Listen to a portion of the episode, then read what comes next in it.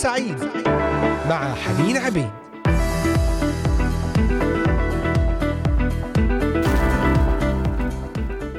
أهلا بكم أحبائي المستمعين والمتابعين في هذه الحلقة الجديدة. نهاركم سعيد اليوم السادس من شهر إبريل نيسان عام 2023 من هنا من الأراضي المقدسة أجمل وأطيب التحيات لكل المستمعين والمستمعات الأحباء. الغاليات والغاليين المباركات والمباركين في نظرنا في عيوننا وفي عيون الرب بالأخص. هذا الأسبوع أسبوع عظيم. يدعى الجمعة العظيمة ليس بالصدفة فأعظم أحداث التاريخ حدثت في هذا الأسبوع.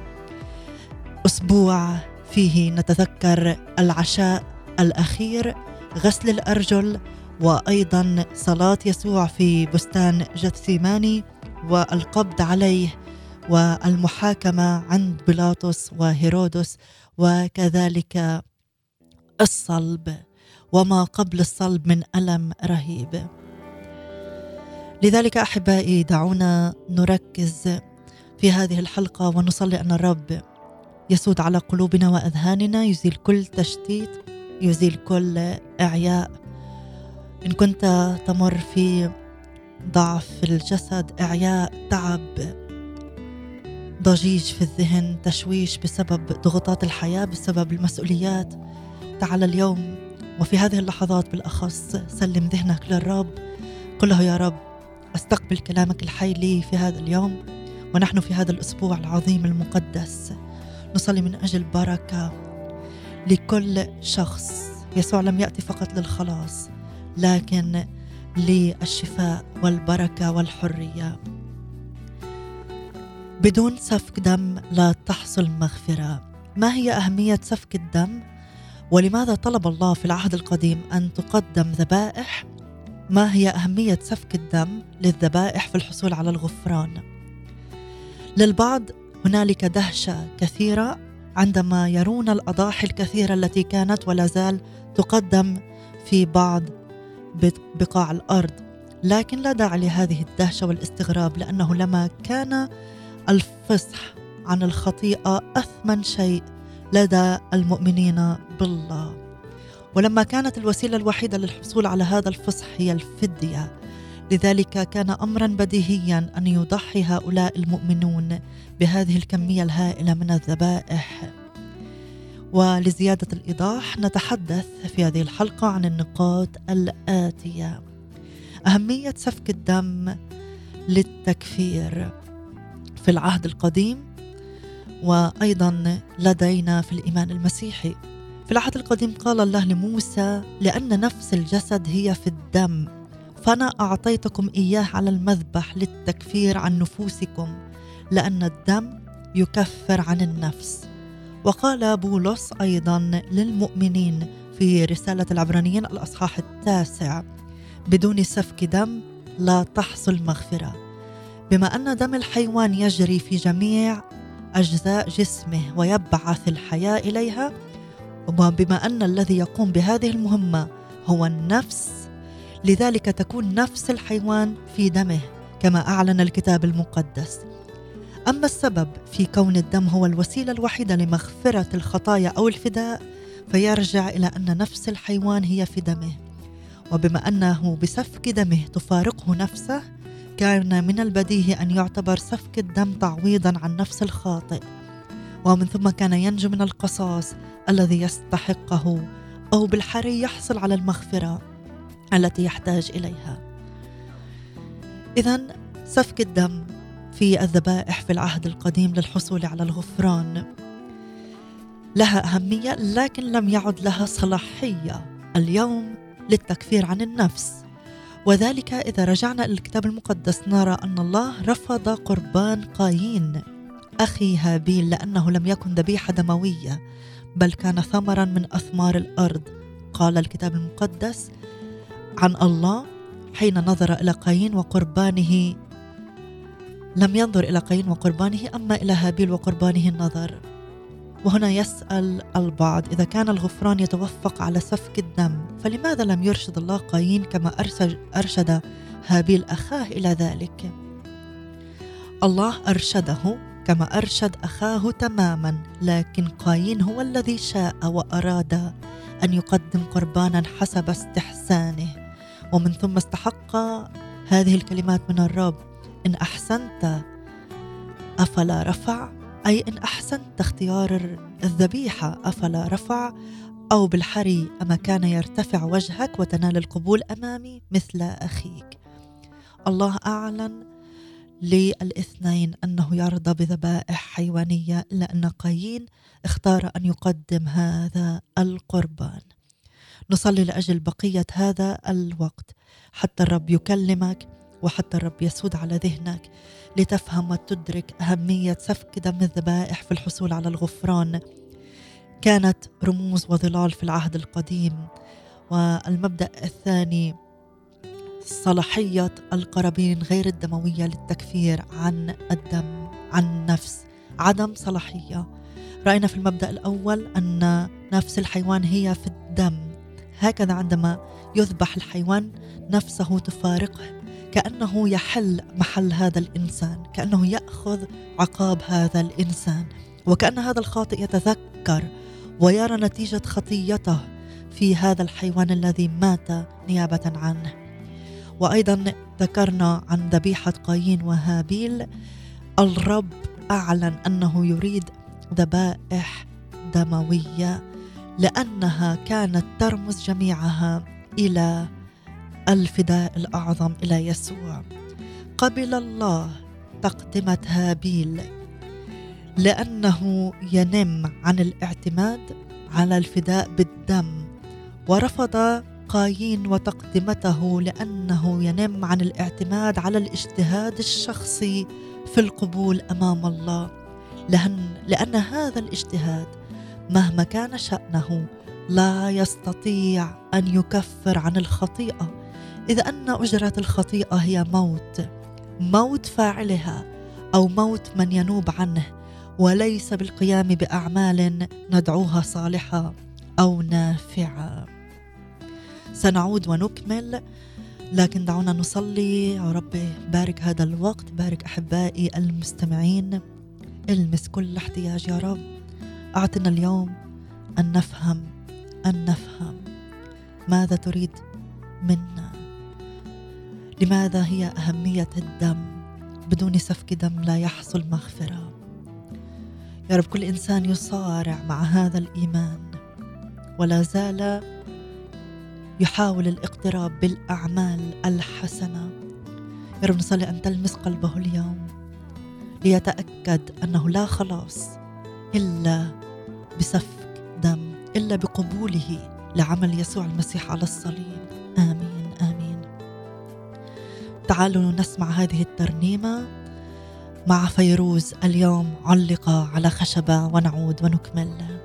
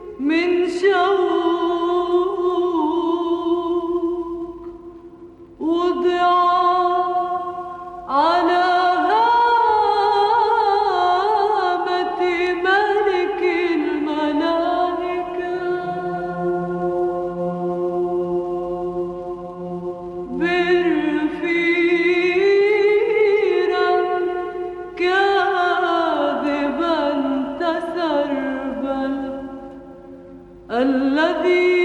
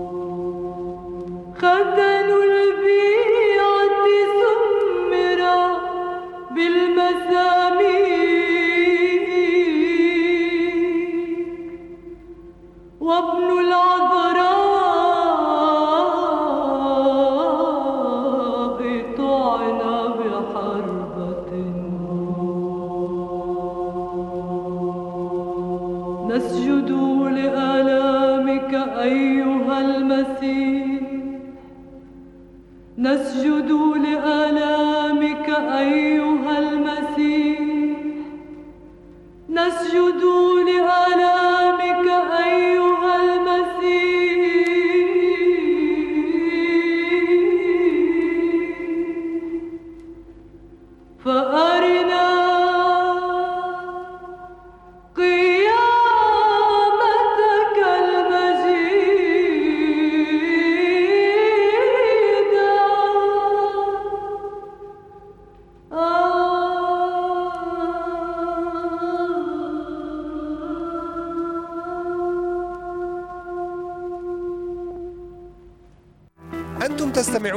لبرنامج نهاركم سعيد مع حنين عبيد.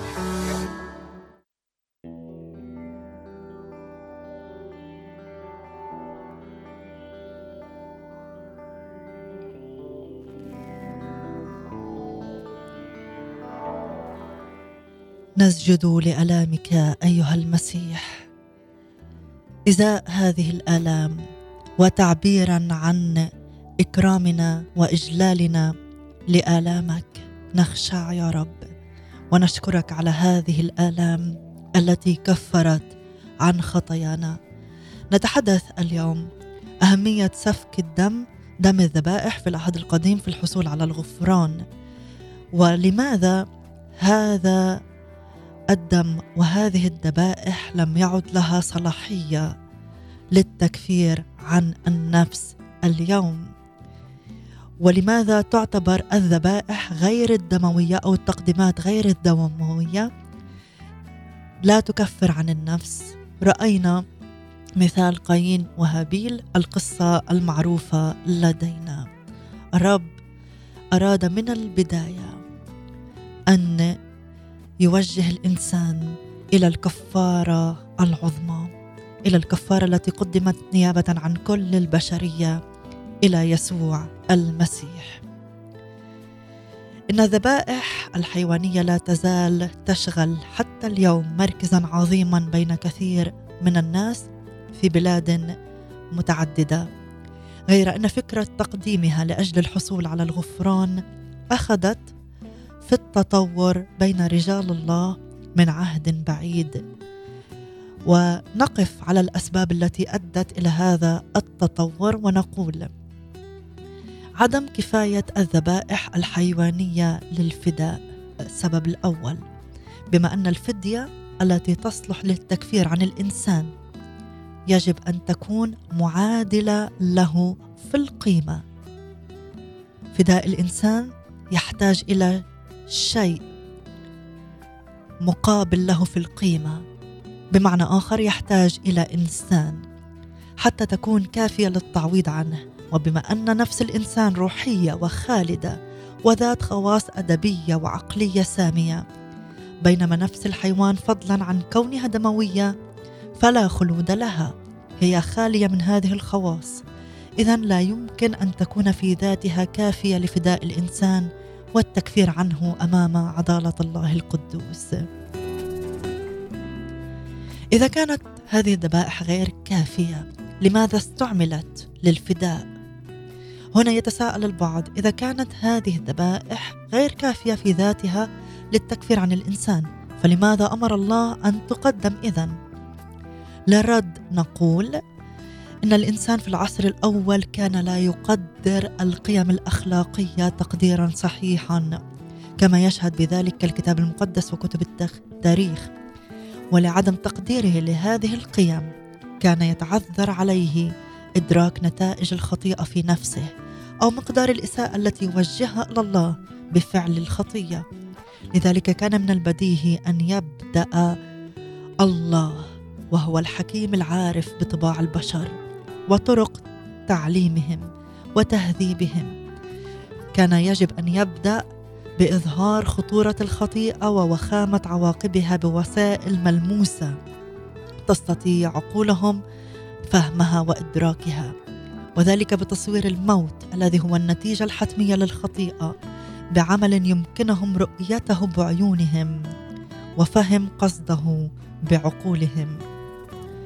موت الحيوان هذا الذي كان يذبحونه ويقدمونه تكفيرا عن خطاياهم ما هو إلا تنبيه عن الموت الذي تسببه الخطيه سنعود ونتابع بعد الفاصل مع هذه الترنيمة مع فريق قناة المعجزة يا يسوع الحياة.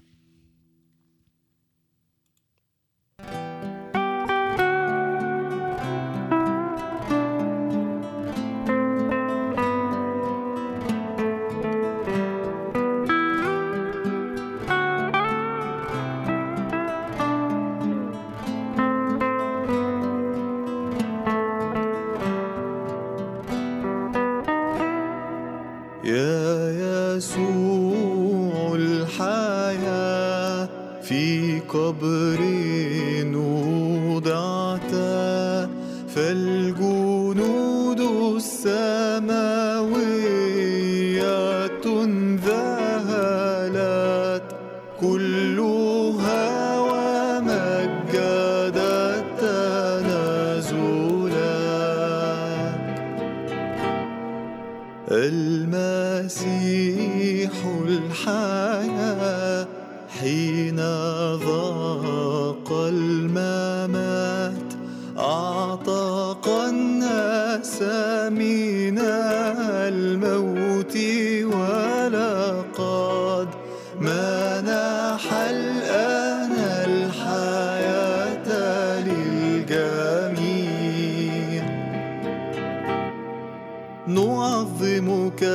باستحقاق يا معطي الحياة.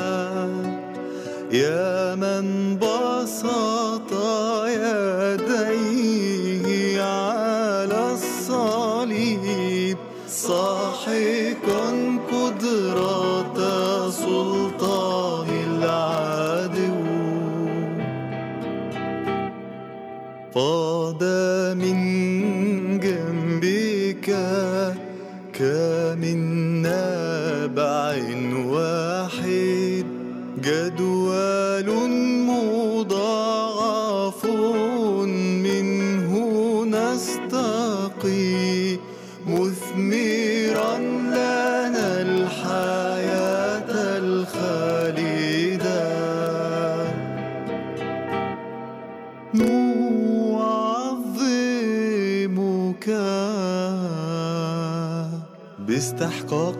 خالق العالم فبآلامك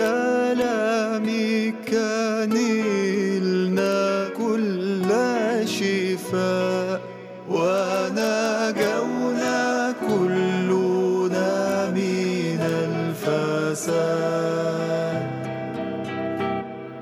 يا يسوع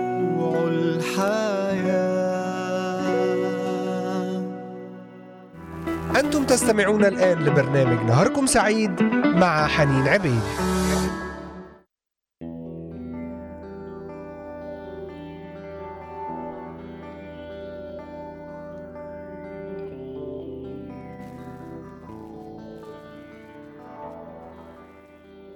يا يسوع الحياة في قبر وضعت غلبت الموت. بالموت ذقت الموت لأجلنا. لفدائنا من الموت الأبدي. الموت هو النتيجة الحتمية للخطيئة ولذلك كان الشعب في القديم يقدم الذبائح لكي ينبههم الله إلى خطورة الخطيئة أن عقاب الخطيئة هو موت وأن يجب أن يسفك دم للتكفير عن هذه الخطيئة. وكل هذه الذبائح كانت تحضيرا للذبيحة العظمى. يسوع المسيح.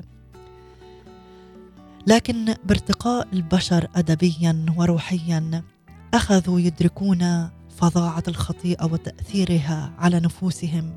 أخذوا يدركون قيمة الإساءة التي يوجهونها إلى الله بارتكاب الخطيئة.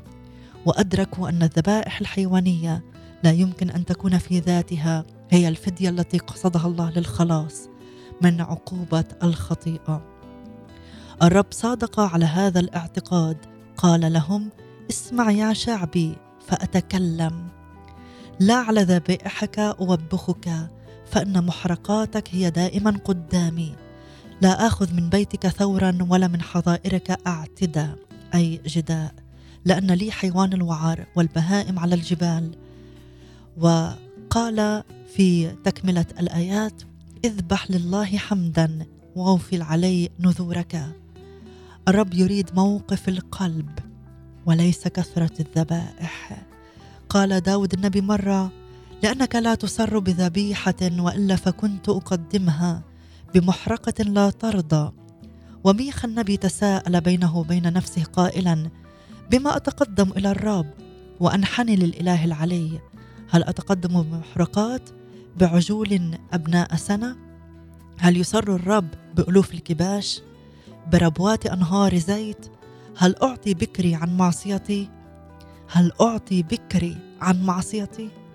ثمرة جسدي عن خطيئة نفسي. لا شيء يكفر عن الخطيئة. هذا هو ما انتهى إليه الأنبياء الذين كانوا يؤمنون بالله ويعملون كل ما في وسعهم لينجوا من عقابه ويحصلون على الحياة. كما كانوا يكثرون الصلوات والأصوام وأعمال الرحمة والإحسان وتقديم الذبائح والقرابين. ومع ذلك كانت خطاياهم على الرغم من قلتها أكثر من أن يجدوا له أو لها بهذه الوسائل غفرانا. لذلك قطعوا الأمل من جهة القبول أمام الله. فقال أيوب ليس بيننا أي بينه وبين الله مصالح. يضع يديه على كلانا. ليرفع عني عصاه ولا يبغتني رعبه وقال أيضا كيف يتبرر الإنسان عند الله؟ الأنبياء في العهد القديم قطعوا الأمل من وجود فدية على أنفسهم. ماذا يعطي الإنسان فداء نفسه؟ نعم بالحقيقة لا غرابة لهذا الشعور وشعورهم بالعجز معرفة الفدية الحقيقية التي تصلح للتكفير عنهم. لأنهم لتأثرهم بقداسه الله تاثرا حقيقيا.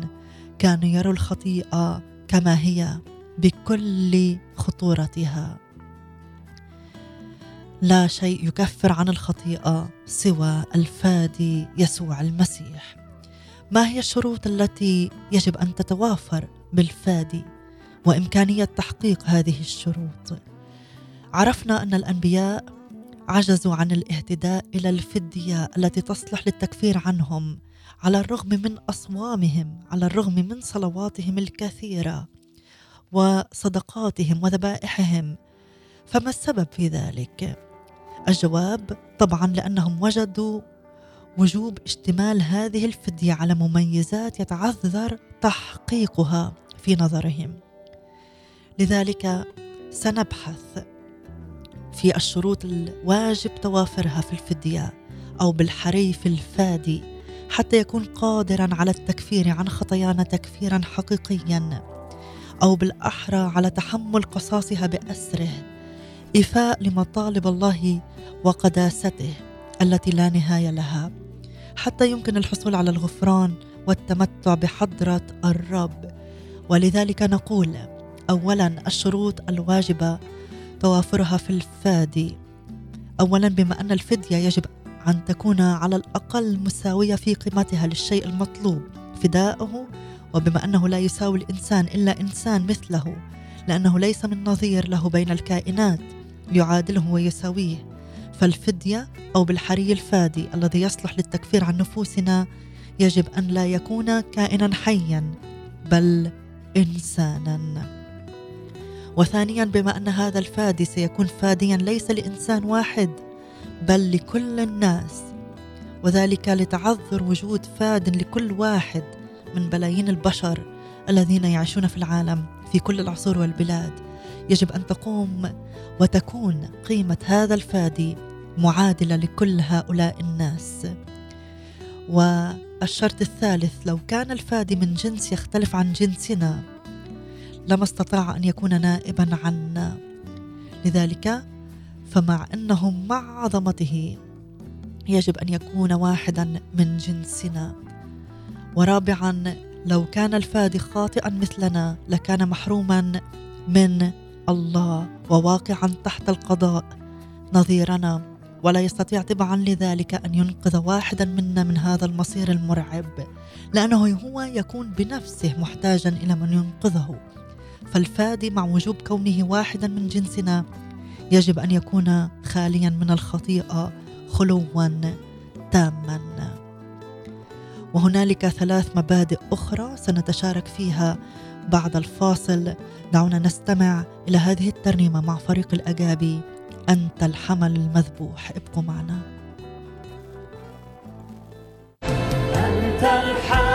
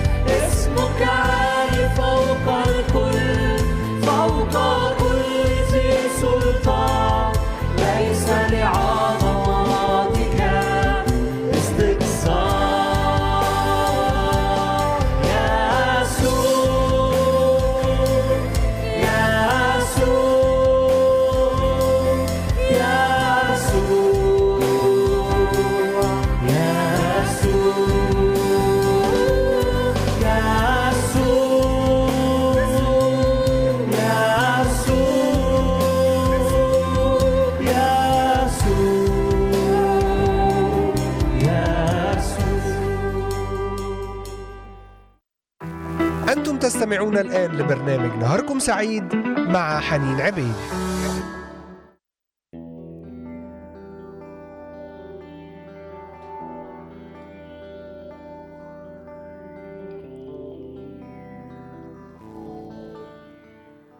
يسوع أنت الحمل المذبوح الجالس عن يمين الآب هو الذي ذبح بالنيابة عن خطايانا.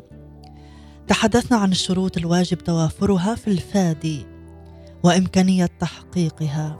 ذكرنا الفدية يجب أن تكون مساوية في قيمتها للشيء المطلوب فداءه. وثانيا أن يكون الفادي أو الفدية هذه غير محدودة لأنها ستكون بالنيابة عن كل البشر.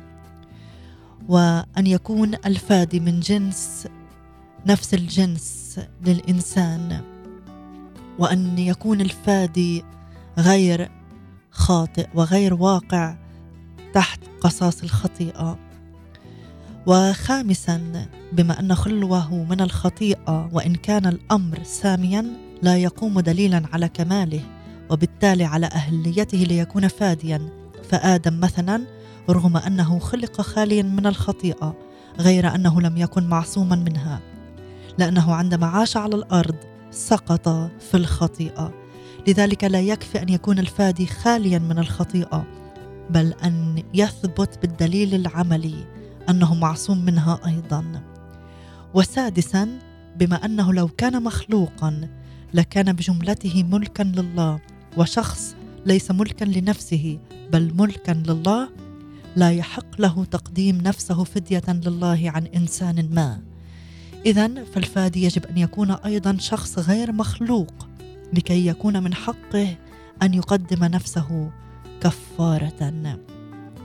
وسابعا وأخيرا بما أنه لا يمكن الحصول على الغفران والتمتع بالوجود في حضرة الله إلا إذا تم اولا ايفاء مطالب عدالته وقداسته التي لا حد لها اذا فالفادي يجب أن يكون أيضا ذا مكانة لا حد لسموها حتى يستطيع إيفاء مطالب الأولى بتحمل كل قصاص الخطيئة عوضا عنا وإيفاء مطالب الثانية بإمدادنا بحياة روحية ترقى بنا إلى درجة التوافق مع الله في صفاته الأدبية السامية. فترى من يكون هذا الفاد العظيم القدر الخالي من الخطيئة والمعصوم عنها غير المخلوق في ذاته وغير المحدود في مكانته حتى يستطيع أن يفي مطالب عدالة الله التي لا حد لها عوضا عنا. ويبعث فينا أيضا حياة روحية ترقى بنا لدرجة التوافق مع الله في صفاته الأدبية السامية. وهل من يتصف بهذه الصفات أو من يستطيع القيام بهذه الأعمال سوى الله؟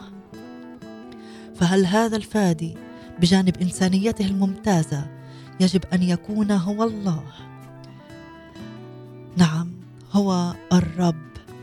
اتخذ الله ناسوتا من جنسنا لكي يكون فيه فاديا لنا. فضلا عن أنه أمر أمر لا يتعذر عليه القيام به. الرب يستطيع كل شيء. باتخاذه هذا الناسوت لا ينحصر في مكان ما. فوجوده في مكان حسب تقديراتنا البشرية لا يمنع في وجوده في مكان آخر في نفس الوقت. باتخاذه هذا الناسوت لا يفقد شيئا من مجده الذاتي لأن هذا المجد لا يتعرض للزيادة أو النقصان على الإطلاق. صار يسوع انسانا ليرفعنا إليه. نشكرك يا رب لأنك أخليت نفسك نشكرك لأنك أعددت لنا طريق الخلاص. نشكرك يا رب. لاننا لسنا بحاجة أن نقدم ذبائح فأنت الذبيحه العظمى. اختم لنا على هذه الكلمات وبارك بقية يومنا باسم الرب يسوع المسيح. تعالوا نختتم مع هذه الترنيمة. حمل الله. وكل عام وأنتم بخير بمناسبة عيد الفصح المجيد. ونلتقي بنعمة الرب في حلقة جديدة يوم الاثنين المقبل.